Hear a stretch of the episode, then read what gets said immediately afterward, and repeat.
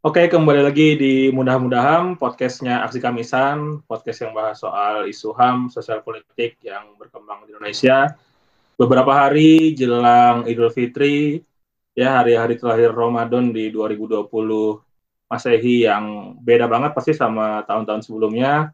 Ini ada satu hal yang patut untuk kita ketahui dan sama-sama kita dorong perkembangannya, yakni gugatan para ibu dari korban tragedi Semanggi 1 dan 2 ke Pengadilan Tata Usaha Negara yang ditujukan kepada Jaksa Agung karena statement kontroversialnya di bulan Januari 2020.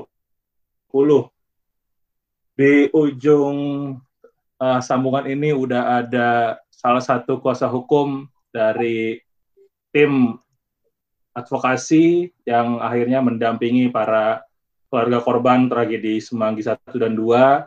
Sudah ada pengacara publik dari LBH Jakarta yakni Saleh Al-Ghifari atau biasa disapa dengan Gifar. Halo Gifar. Halo Ahmad Sajali. Apa kabar nih Far? Kabar Alhamdulillah baik Jal. Walaupun kita masih terus berhati-hati ya. Nggak mudik ya? Setelah ada himbauan lewat video dari para menteri Indonesia Hebat, nggak mudik ya? Ya, nggak mudik. Tapi kalau Jaksa Agung ikut menghimbau waktu itu gue langsung mudik tuh. Karena posisinya sekarang lagi jadi lawan nih di meja hijau. Iya, iya Jal. Iya emang nggak mudik karena oh. memang kita mengini ya menghormati ya apa yang diupayakan secara bersama oleh pemerintah maupun tenaga medis ya. Demi keselamatan masing-masing dan ya, kesehatan orang-orang di daerah asal juga ya, jangan sampai kena terpapar virus dan sebagainya malah. Iya benar benar benar sekali ya. Oke, uh, langsung aja Far. Sebenarnya kalau teman-teman perlu tahu uh, lebih detail apa apa yang diucapkan oleh Jaksa Agung dan juga kenapa itu jadi kontroversial, bahkan udah dikaji secara sosial politik dan sebagainya bisa dengerin episode sebelumnya yang udah dilakuin bareng Dimas episode 11 kalau nggak salah uh, salah satu tim juga di uh, advokasi isu ini dari Kontras itu ntar teman-teman bisa cek lebih lanjut. Udah dibahas lengkap kajian politik dan sebagainya. Ya info lebih jelasnya itu yang paling minim adalah kalau bahwasanya si uh, jaksa agung kita yakni ST Burhanuddin seenggak-enggaknya punya relasi yang sangat dekat yakni merupakan saudara kandung dari salah satu politisi PDI Perjuangan, partai yang menjadi pengusung Presiden Jokowi di uh, pemilu presiden di 2014, 2014 dan juga 2019. Jadi ya kurang lebih kita bisa lihat gimana relasi antara mereka. Tapi kita mau bahas lebih uh, spesifik soal konteks hukumnya nih biar akhirnya bisa dipahami beberapa hal soal gugatan ini. Ini pertama-tama dari konteks gugatan yang diajukan oleh Ibu Sumarsi. Bu Sumarsi dan Bu Bu Hokingo. Jadi gugatan ini diajukan oleh Ibu Sumarsi dan salah satu orang lagi yang Ibu Hokimngo yang merupakan adalah ibu kandung dari Yap Yunhap, seorang mahasiswa teknik UI yang menjadi korban uh, penembakan di tragedi Semanggi II di tahun 1999. Uh, sebenarnya uh, dari segi apa yang Gifar dan kawan kawan-kawan serta para uh, ibu keluarga korban yang Ibu Sumarsi dan Bu Hoki mengupayakan ini kan berasal dari statementnya Jaksa Agung.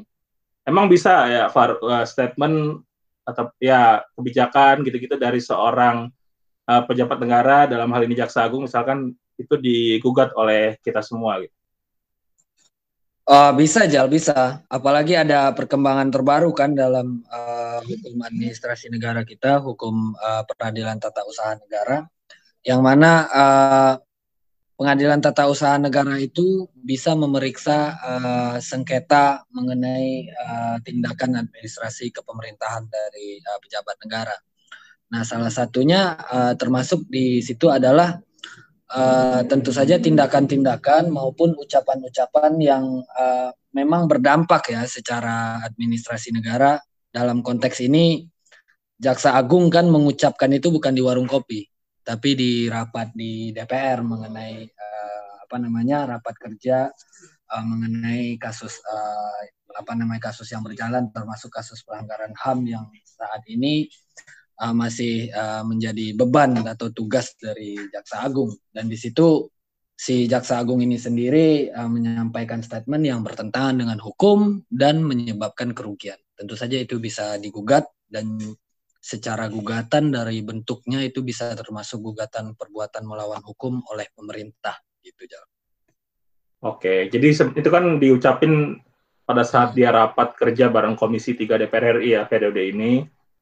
Yeah. Terus uh, sebenarnya kalau status quo uh, kondisi kasusnya sendiri, kasus Semanggi 1 dan 2 yang sebenarnya digabung sama kasus Trisakti menjadi istilahnya TSS ya di laporan Komnas HAM itu uh, akhirnya kan si Jaksa Agung ini mengutip uh, hasil rapat DPR di periode udah lama banget periode 99 2004 gitu yang sebenarnya juga udah dianulir kan oleh Mahkamah Konstitusi gitu. Jadi sebenarnya emang statusnya si TSS ini masih sebagai kasus HAM berat ya sebagaimana Komnas HAM sudah uh, selidiki dan sebagainya Fareh. Iya benar Jal. Nah uh, mungkin seperti yang Jali singgung itu uh, apa namanya undang-undang yang menjadi acuan dari uh, penuntasan kasus HAM kan undang-undang pengadilan HAM ya. Yang kemudian waktu itu ada perdebatan soal uh, apa sih acuan untuk menilai suatu kasus itu dianggap sebagai pelanggaran HAM yang berat. Nah, itu di challenge ke Mahkamah Konstitusi dan sudah diputuskan oleh Mahkamah Konstitusi bahwa harus memperhatikan penyelidikan dan penyidikan dari institusi-institusi yang berwenang, yang mana Jaksa Agung sendiri dan di dalam proses penyelidikan adalah Komnas HAM yang kita tahu bersama hasilnya adalah menganggap itu uh, tragedi ini Trisakti, Semanggi satu, Semanggi dua dan lain-lain adalah pelanggaran HAM yang berat, Jal. Jadi mungkin kurang update nih Pak Pak Jaksa Agung kita ini. Ya, dan setelah dia mengucapkan hal itu terus terus langsung diupdate di ya blow di blow up sama uh, media masa dan sebagainya gitu-gitu uh, kan langsung ada respons yang menarik juga dari istana ya khususnya dari Menko Polhukam gitu yang emang menyatakan bahwa apa yang dikeluarkan atau dinyatakan oleh Jaksa Agung ini hal yang keliru gitu.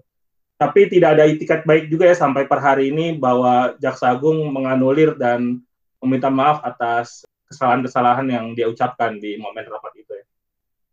Benar Jal, oleh karena itu kita mengajukan gugatan karena kan kita telah terlukai lah atau terrugikan karena statement dia itu karena dia pejabat yang berwenang.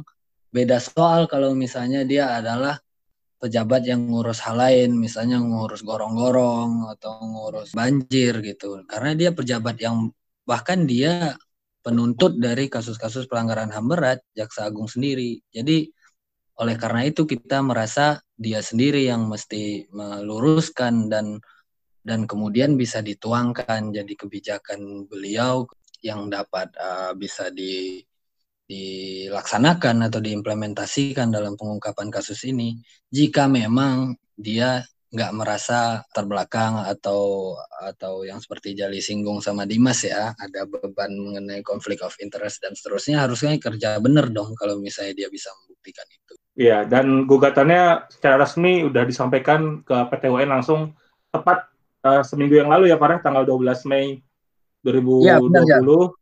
Uh, dan besok kabarnya atau ya kalau teman-teman mungkin dengarnya di hari ini di hari Rabu tanggal 20 Mei 2020 kalau ada hmm. prosesnya hmm. ya Far ya. Itu ada proses apa Far? kira-kira? Ya, uh, kalau di pengadilan tata usaha negara ini Jal agak beda kan kita karena posisinya pengadilan itu berusaha uh, memaksimalkan secara formil agar para penggugat warga negara yang berhadapan dengan negara pemerintah ini uh, tidak ada kelemahan secara formil maka ada proses dismisal itu proses pemeriksaan pendahuluan ini kalau misalnya uh, pengadilan hakim ada merasa yang perlu dikoreksi dari gugatan kita ataupun dia merasa misalnya secara objek sengketa benar-benar bukan menjadi wewenang dari pengadilan tun. Nah itu prosesnya besok. Ya kita berharap ya, semoga ya, ini ya, semoga uh, berdasarkan dari kajian dan konsultasi kita dengan ahli, uh, semoga besok itu prosesnya lancar dan bisa dilanjut ke pemeriksaan pokok. Ya besok ada proses review lah ibaratnya dari ya. dari panitera atau dari petun Jakarta ya untuk melihat administrasi yang diajukan oleh kita semua ya.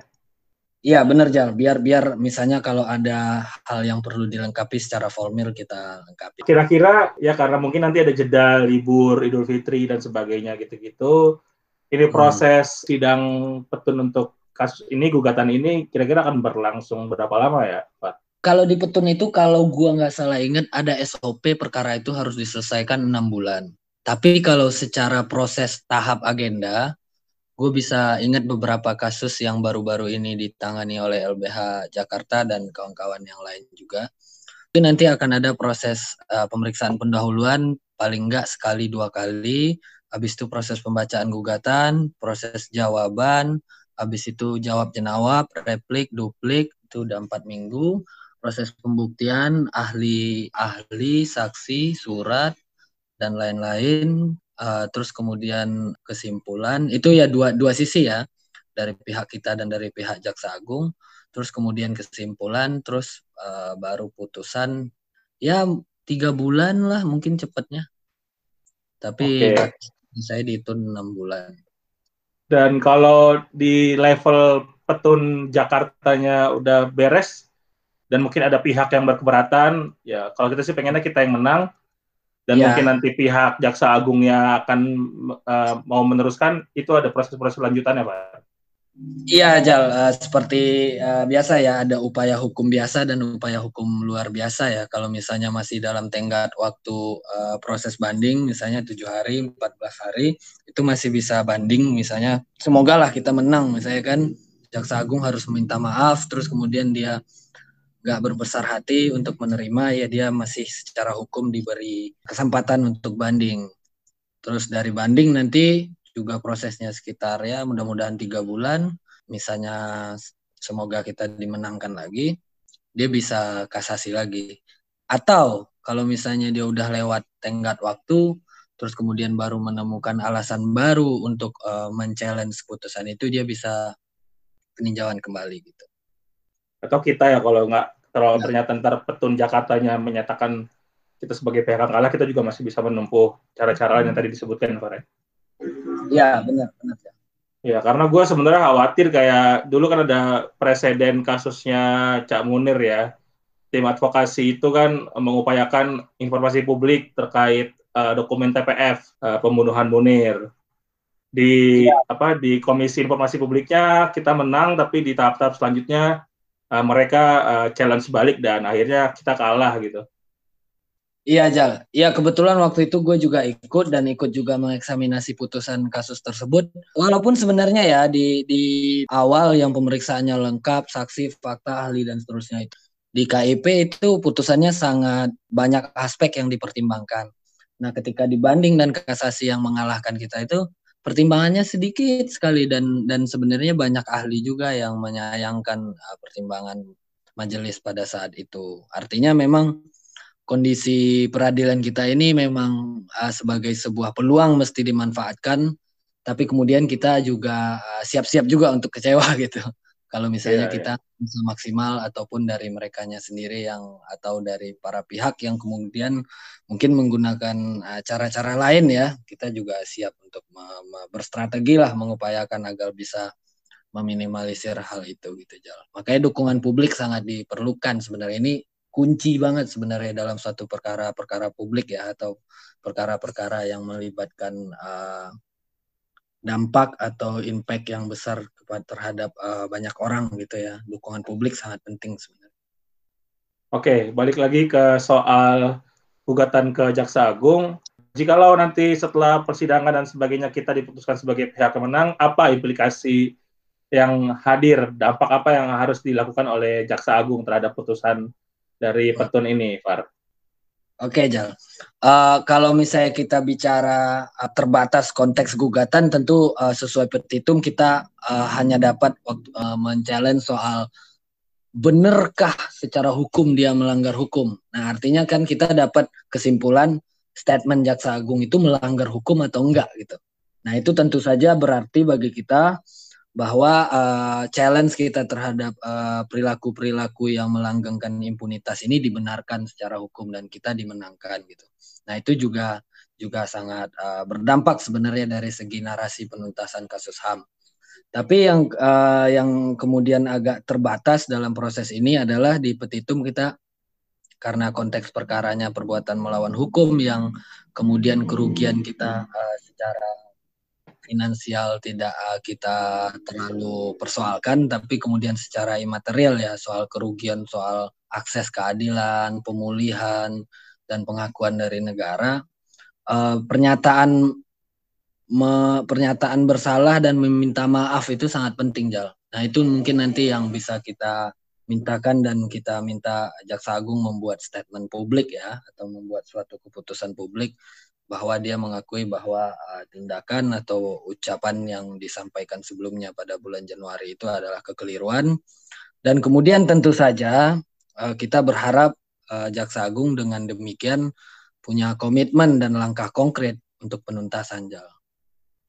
Ya, jadi berdasarkan petitum atau permohonan yang sudah diajukan itu, kita pengen ya, akhirnya dia dinyatakan bersalah secara hukum dengan statementnya dan atas dasar itu dia uh, mengklarifikasi serta minta maaf secara iya. publik ya. ya. Uh -uh. Tentu saja dari situ ya terlepas dari permintaan kita di gugatan, mestinya uh, kalau kita sama-sama menggunakan akal sehat ya kalau udah salah berarti harus dikerjain yang benernya dong gitu kan mengungkap uh, kasusnya, membongkar apa ya kerikil-kerikil dan batu-batu sejarah yang mengganjal uh, bangsa kita ini buat maju karena masih ada impunitas, orang-orang berdarah-darah masih berkuasa gitu. Ya ini harusnya menjadi pelajaran penting dalam segi demokrasi dan hak asasi manusia ya, bahwa pejabat, uh, menteri yang emang punya urusan-urusan kerja itu harus uh, hmm. bisa mengeluarkan uh, pernyataan atau ya bikin kebijakan yang secermat mungkin, bukan malah yang kontraproduktif gitu. Nah, kalau dari lo sendiri memandang eh, apa upaya lo dan kawan-kawan kita semua di urusan gugatan soal tragedi Semanggi 1 dan 2 ini, apa sih pentingnya uh, akhirnya kita mengkritisi dan menggugat uh, seorang pejabat publik gitu Far untuk bisa okay. kita uh, minta klarifikasi dan permintaan maafnya gitu. Oke, okay, gini Jal kan uh, guna salah satunya hukum dan pengadilan dalam negara hukum ini kan untuk sebagai sebuah ini ya sebagai sebuah dimensi atau ruang yang objektif yang di sana tidak ada uh, kepentingan-kepentingan uh, ataupun sesuatu yang bersifat kepentingan politis individu maupun kepentingan politis kelompok itu bisa di, diurai. Karena di dalam hukum dalam hal ini proses peradilan itu sifatnya kan terbuka untuk umum dan bisa uh, di sana itu uh, segala argumentasi bisa diketengahkan, segala uh, bukti dapat di, ditampilkan dan di challenge. Artinya membawa perdebatan yang selama ini mungkin dia uh, jadi agenda pribadi atau kemudian diselesaikan di rapat-rapat kelompok misalnya uh, di geng mana, geng mana gitu ya di dalam uh, penegakan hukum. Tapi kemudian dengan kita menggugat, kita bisa membawa apa sih sebenarnya maksud atau niat buruk, niat baik mereka itu uh, yang bisa dipertanggungjawabkan ke publik gitu.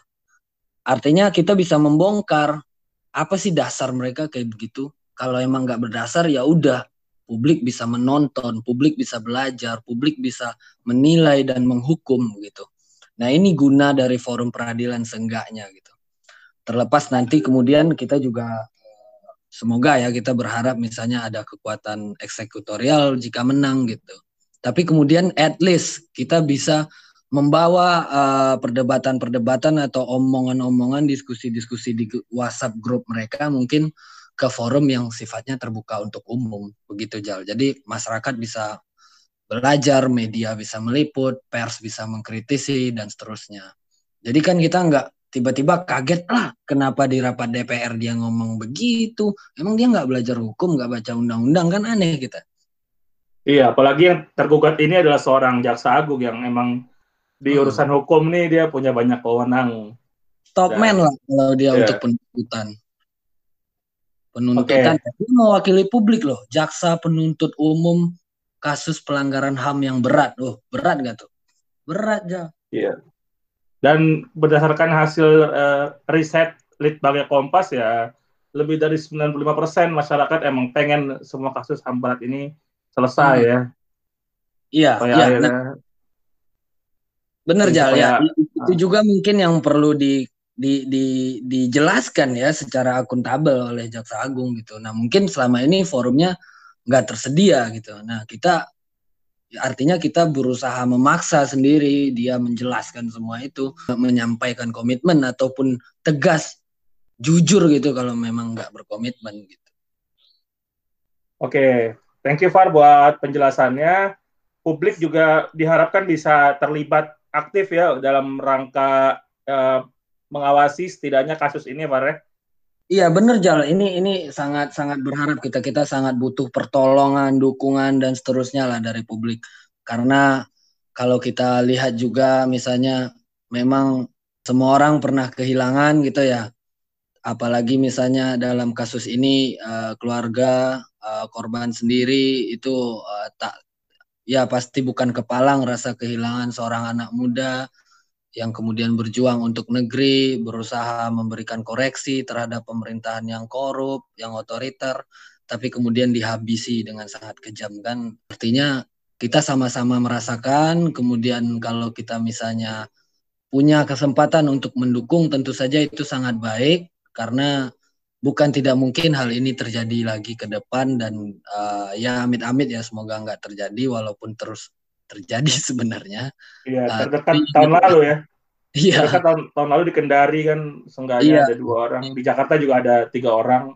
Uh, sampai hari ini nggak jelas tuh penyidikannya. Nah artinya kan ini urgensinya sangat tinggi karena ini monumen sejarah lah bagaimana satu bangsa mengakui ke kesalahan yang telah di, dilakukannya gitu. Nah ini yang kita masih hmm. belum cukup besar ya berarti eh, pejabat-pejabat kita untuk bisa menganggap hal ini sesuatu yang penting untuk diprioritaskan dan diseriusi bukan hanya janji-janji.